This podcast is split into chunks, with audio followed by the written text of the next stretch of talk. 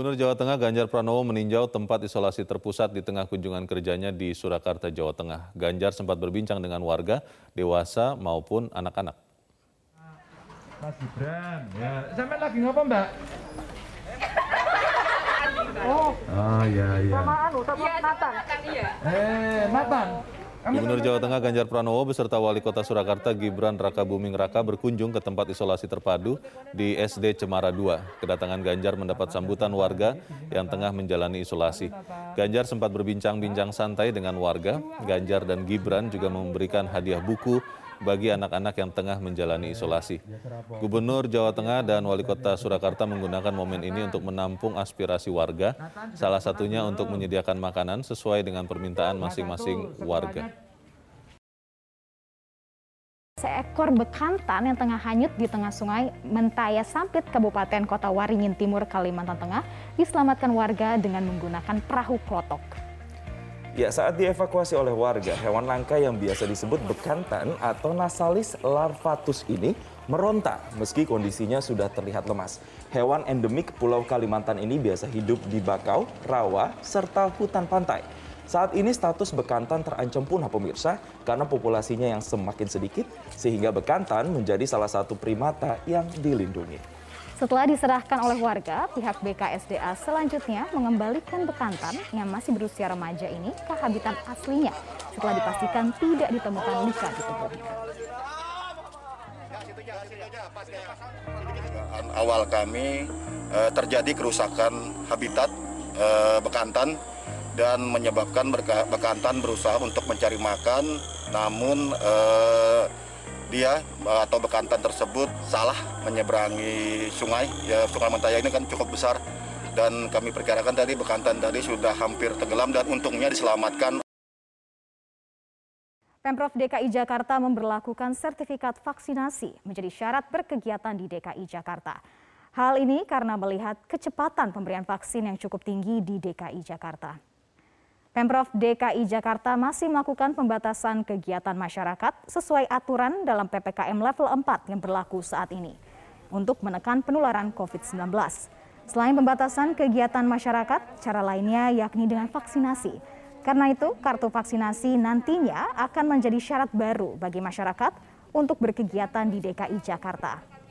Gubernur DKI Jakarta Anies Baswedan menyebut Pemprov DKI Jakarta menambahkan syarat dalam pembukaan aktivitas, yakni harus memiliki kartu vaksin. Selain penerapan protokol kesehatan 5M yang harus tetap ditaati. Vaksin sebagai syarat Kebijakan ini karena di Jakarta kecepatan dan jangkauan pemberian vaksinasi cukup tinggi. Menunjukkan sertifikat vaksin COVID-19 untuk berbagai aktivitas sudah mulai diterapkan, seperti di Tanah Abang dan bagi warga yang makan di warung atau rumah makan di tempat terbuka. Ketentuan tentang pembukaan aktivitas itu mengikuti ketentuan ada di dalam kebijakan PPKM. Nah, kita di Jakarta menambahkan harus sudah memiliki vaksinasi. Jadi prinsip untuk mencegah penularan 5M itu harus taati. Tapi ada aktivitas yang menjaga jarak itu sulit. Seperti contoh, potong rambut. Bisa nggak potong rambut jarak jauh? Nggak bisa. Virtual nggak mungkin. Apakah potong rambut boleh beroperasi? Menurut ketentuan boleh. Tapi tambahkan persyaratan. Yang memotong rambut harus sudah vaksin. Yang datang ke tempat potong rambut juga harus sudah vaksin. Jadi jangan diartikan kalau sudah vaksin dua kali lalu bebas bepergian ke mana saja. Protokol kesehatan harus tetap diikuti. Jadi saya ingin garis bawahi di Jakarta ada kewajiban untuk menggun- menggunakan vaksinasi Peritel dan pedagang pasar mengapresiasi kebijakan pemerintah yang memberikan insentif pajak pertambahan nilai atau PPN ditanggung pemerintah atau DTP untuk sewa bulan Agustus hingga Oktober 2021 mendatang. Namun masih perlu aturan turunan dan mendiskusikannya dengan pengusaha agar insentif ini tepat sasaran.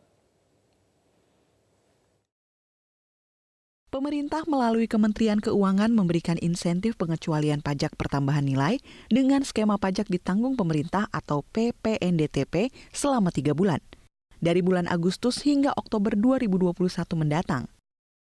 Wakil Ketua Umum Asosiasi Pedagang Pasar Seluruh Indonesia, Sarman Simanjorang menyebut, insentif tersebut akan meringankan beban pengusaha setidaknya 25 persen dari beban operasional yang wajib dibayarkan setiap bulan. Namun, kebijakan tersebut masih perlu aturan turunan, terutama untuk para pedagang yang sudah membayarkan sewa toko selama satu tahun atau dua tahun. Kalau misalnya yang sewa bulanan mungkin tidak ada masalah. Ya kan? Tapi menurut hemat saya itu tidak banyak. Yang banyak itu udah langsung setahun dua tahun. Berarti udah kalau dia bayar satu tahun dua tahun, artinya bahwa PPN itu mereka sudah bayar kepada pemerintah. Gitu loh. Nah kalau seperti itu berarti kan tidak ada gunanya juga kebijakan ini. Nah apakah nanti akan diatur? Karena kami lihat bahwa aturan ini juga hanya berlaku tiga bulan. Agustus, September, Oktober ya kan? Nah, apakah yang tiga bulan ini nantinya akan diperhitungkan ke depan? Nah, kita tunggu. Kalau tidak, nggak begitu maksimal bisa dirasakan oleh dunia usaha kita yang terkena imbas di, uh, di yang menyewa yang menyewa tempat usaha di tempat-tempat uh, daripada uh, mal-mal. Sementara Ketua Umum Asosiasi Pengusaha Retail Indonesia Aprindo, Roy Mande menilai, kebijakan insentif PPNDTP belum menyentuh masalah utama peritel, karena selama ini tidak semua peritel bisa beroperasi. Peritel, menurut Troy Mande membutuhkan keringanan membayar tenaga kerja dan biaya listrik di gerai. Di masa pandemik ini yang sangat penting adalah stimulus di bidang operasional. Ya, operasional. Jadi operasional itu seperti kita ketahui sangat mudah terlihat. Satu, adanya tenaga kerja, berarti operasional gaji. Kemudian di gerai-gerai ada refrigerator, ada lampu menyala, ada kasir yang berfungsi karena ada apa? Ada listrik ya di dalamnya. Kita sangat berharap sebenarnya insentif operasional ini. Jadi adanya subsidi listrik untuk supaya kita dapat beroperasional karena sampai hari ini 17 bulan kita belum mendapat subsidi untuk listrik. Kami masih membayar dengan tarif komersial B2 yang mendapat subsidi listrik tentunya yang 450 watt ke bawah bahkan juga yang 900 ya, yang baru sekarang keluar. Yang 1300 kan sudah tidak dapat subsidinya ke atas. Nah, kemudian yang kedua subsidi gaji untuk para pekerja retail atau pedagang eceran. Insentif pajak sewa toko atau bangunan usaha untuk pedagang eceran ini tercantum dalam Peraturan Menteri Keuangan PMK nomor 102 tahun 2021 tentang pajak pertambahan nilai. PPN atas penyerahan jasa sewa ruangan atau bangunan kepada pedagang eceran yang ditanggung pemerintah tahun anggaran 2021. Dalam aturan tersebut disebutkan bahwa insentif pajak diberikan untuk menjaga keberlangsungan usaha pedagang eceran di masa pandemi guna mendorong pertumbuhan ekonomi nasional. Ruang atau bangunan yang mendapat pembebasan PPN berupa toko atau gerai yang berdiri sendiri atau berada di pusat belanja, kompleks pertokoan, fasilitas apartemen, hotel, rumah sakit, fasilitas pendidikan, fasilitas transportasi publik, serta fasilitas perkantoran dan pasar rakyat. Berawal dari permintaan anaknya yang ingin memiliki hewan peliharaan, membuat seorang pria di Kota Malang berhasil membudidayakan hamster. Bahkan saat ini pemirsa, dirinya belum mampu memenuhi besarnya permintaan pasar. Coba kita lihat seperti apa. Dan inilah pemirsa ratusan ekor hamster milik Wisnu Wibowo, warga kota Malang, Jawa Timur. Dari ratusan pasang indukan, 450 ekor di antaranya dalam masa atau usia produktif. Usaha penangkaran hamster yang digeluti Wisnu berawal dari tiga ekor hamster yang dibeli untuk anak-anaknya yang menginginkan hewan peliharaan di rumah. Beberapa waktu yang dimiliki, hamster miliknya justru makin beranak pinak pemirsa.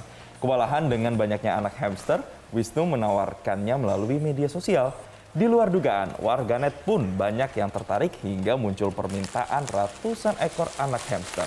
Melihatnya sebagai peluang bisnis menjanjikan, Wisnu akhirnya meninggalkan usaha lamanya yang mati suri akibat pandemi COVID-19, yaitu penitipan kucing. Dan saat ini, Wisnu baru dapat memenuhi 200 hingga 250 ekor anak hamster jenis Winter White dan Golden Per minggunya. Sementara permintaan pasar mencapai 300 hingga 400 ekor. Anak hamster baru dapat dipasarkan pada usia 3 pekan dengan harga jual antara Rp8.000 hingga Rp15.000 per ekornya.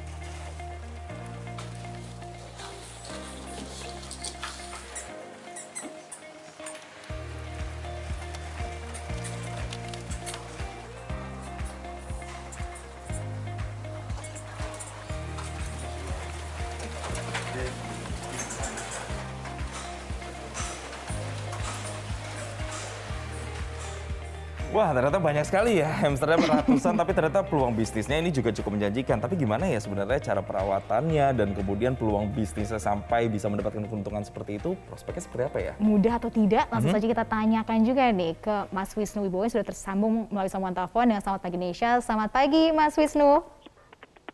Selamat pagi Mbak.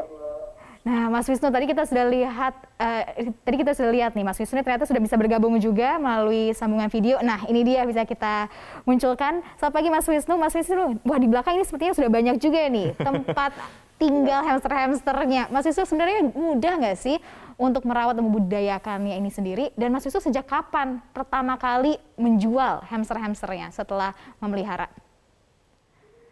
Kalau saya pertama kali jual itu sekitar eh, bulan Agustus tahun lalu. Itu baru pertama kali ternak. Oke. Oke, nah kalau kita lihat kan tadi sudah dibacakan ada ratusan, tapi spesifiknya Mas ada berapa ratus ekor hamster ini yang kemudian eh, dibudidayakan oleh Mas Wisnu? Sekarang kurang lebih sekitar 450 pasang. Oke, 458. Itu akan ada penambahan lagi, ada yang sudah kemudian sedang mengandung lagi dan bersiap-siap untuk beranak lagi atau seperti apa nih Mas? Iya, selalu nambah kalau populasinya. Tiap bulan Selalu kita nambah paling ya targetnya sekitar 100 sampai 200 pasang per, per bulannya kita nambahnya. Wow, waduh, 200 sampai sampai 200 pasang per bulannya. Tapi kan awalnya cuma tiga ekor nih Mas Wisnu. Terus awalnya juga beliin buat anaknya. Terus itu kok bisa sampai tiga pasang. beranak pinak banyak, terus sampai harus dijual juga dan sekarang jadi bisnis yang benar-benar Mas Wisnu fokusin nih di setelah pandemi COVID-19 ini. Itu seperti apa awalnya? Awalnya sih cuma iseng aja sih kak, Ah, karena beranak-beranak, anaknya banyak, bingung saya mau apain, coba saya posting. Ternyata permintaannya banyak, ah, di situ saya lihat ada peluang usaha baru, kenapa nggak saya coba aja? Dan alhamdulillah akhirnya sampai sekarang malah bingung. eh, Belajar nggak, Mas Wisnu? Permintaan pasar. Untuk membudidayakan hamster belajar nggak atau otodidak? Kan pastinya baiknya tips and tricks gitu. gampang cuman ya cuman dikasih makan ada minum alas kandangnya tetap bersih gitu aja aman kak sudah Hmm, artinya untuk perawatannya sendiri sebenarnya cukup mudah ya. Nah, ngomong-ngomong soal permintaan pasar kan tadi Mas Wisnu bilang kayaknya sampai kewalahan nih. Kalau berbicara terkait dengan omsetnya, terus permintaannya dalam sebulan, nah ini bisa digambarkan Mas kira-kira berapa Mas? Kalau permintaan hari ini yang masuk itu kurang lebih antara 300 sampai 400 ekor per minggu Oke, itu dengan eh, revenue-nya kira-kira pendapatannya berapa Mas? kalau harga terendah saya jual partai itu 8000 Hmm, Untuk jenis Kalau hamster apa Mas? Iya, itu yang jenis yang saya ternakin yang jenis winter white. Cuman untuk golongan warna yang paling rendah itu saya jualnya harga 8.000, yang paling tinggi di warna golden itu saya jualnya 15.000. Oke, nah Mas Wisnu, mungkin untuk pemirsa semua yang tergiur nih, kira-kira ras hamster apa yang bisa atau paling mudah eh, dibudidayakan dan tantangan terbesar yang harus diperhatikan tuh apa Mas Wisnu? Paling mudah semua semua hamster mudah sih sebenarnya kak.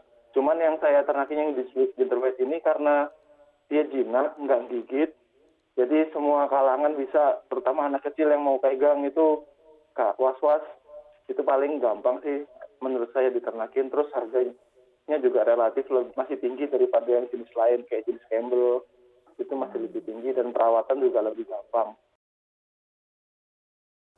Sejak 3 Agustus 2021, Puskesmas Kebun Jeruk, Jakarta Barat memberikan pelayanan vaksinasi COVID-19 bagi ibu hamil. Pemberian vaksin ini harus memenuhi sejumlah persyaratan, di antaranya usia kehamilan minimal 13 minggu. Program vaksinasi COVID-19 dapat diikuti ibu hamil di Puskesmas Kebon Jeruk dengan mendaftarkan diri melalui aplikasi Jaki atau datang langsung ke lokasi. Prosedur pelayanan vaksinasi COVID-19 bagi ibu hamil hamil hampir sama dengan kelompok usia lainnya. Namun, ibu hamil mendapat prioritas dengan mengikuti screening kesehatan sebelum menerima vaksin. Sesuai dengan surat edaran Kementerian Kesehatan, vaksinasi COVID-19 harus memenuhi 10 persyaratan. Di antaranya, suhu tubuh di bawah 37,5 derajat Celcius, usia kehamilan minimal 13 minggu, tidak ada tanda preeklamsia, dan tidak terkonfirmasi positif COVID-19 dalam tiga bulan terakhir.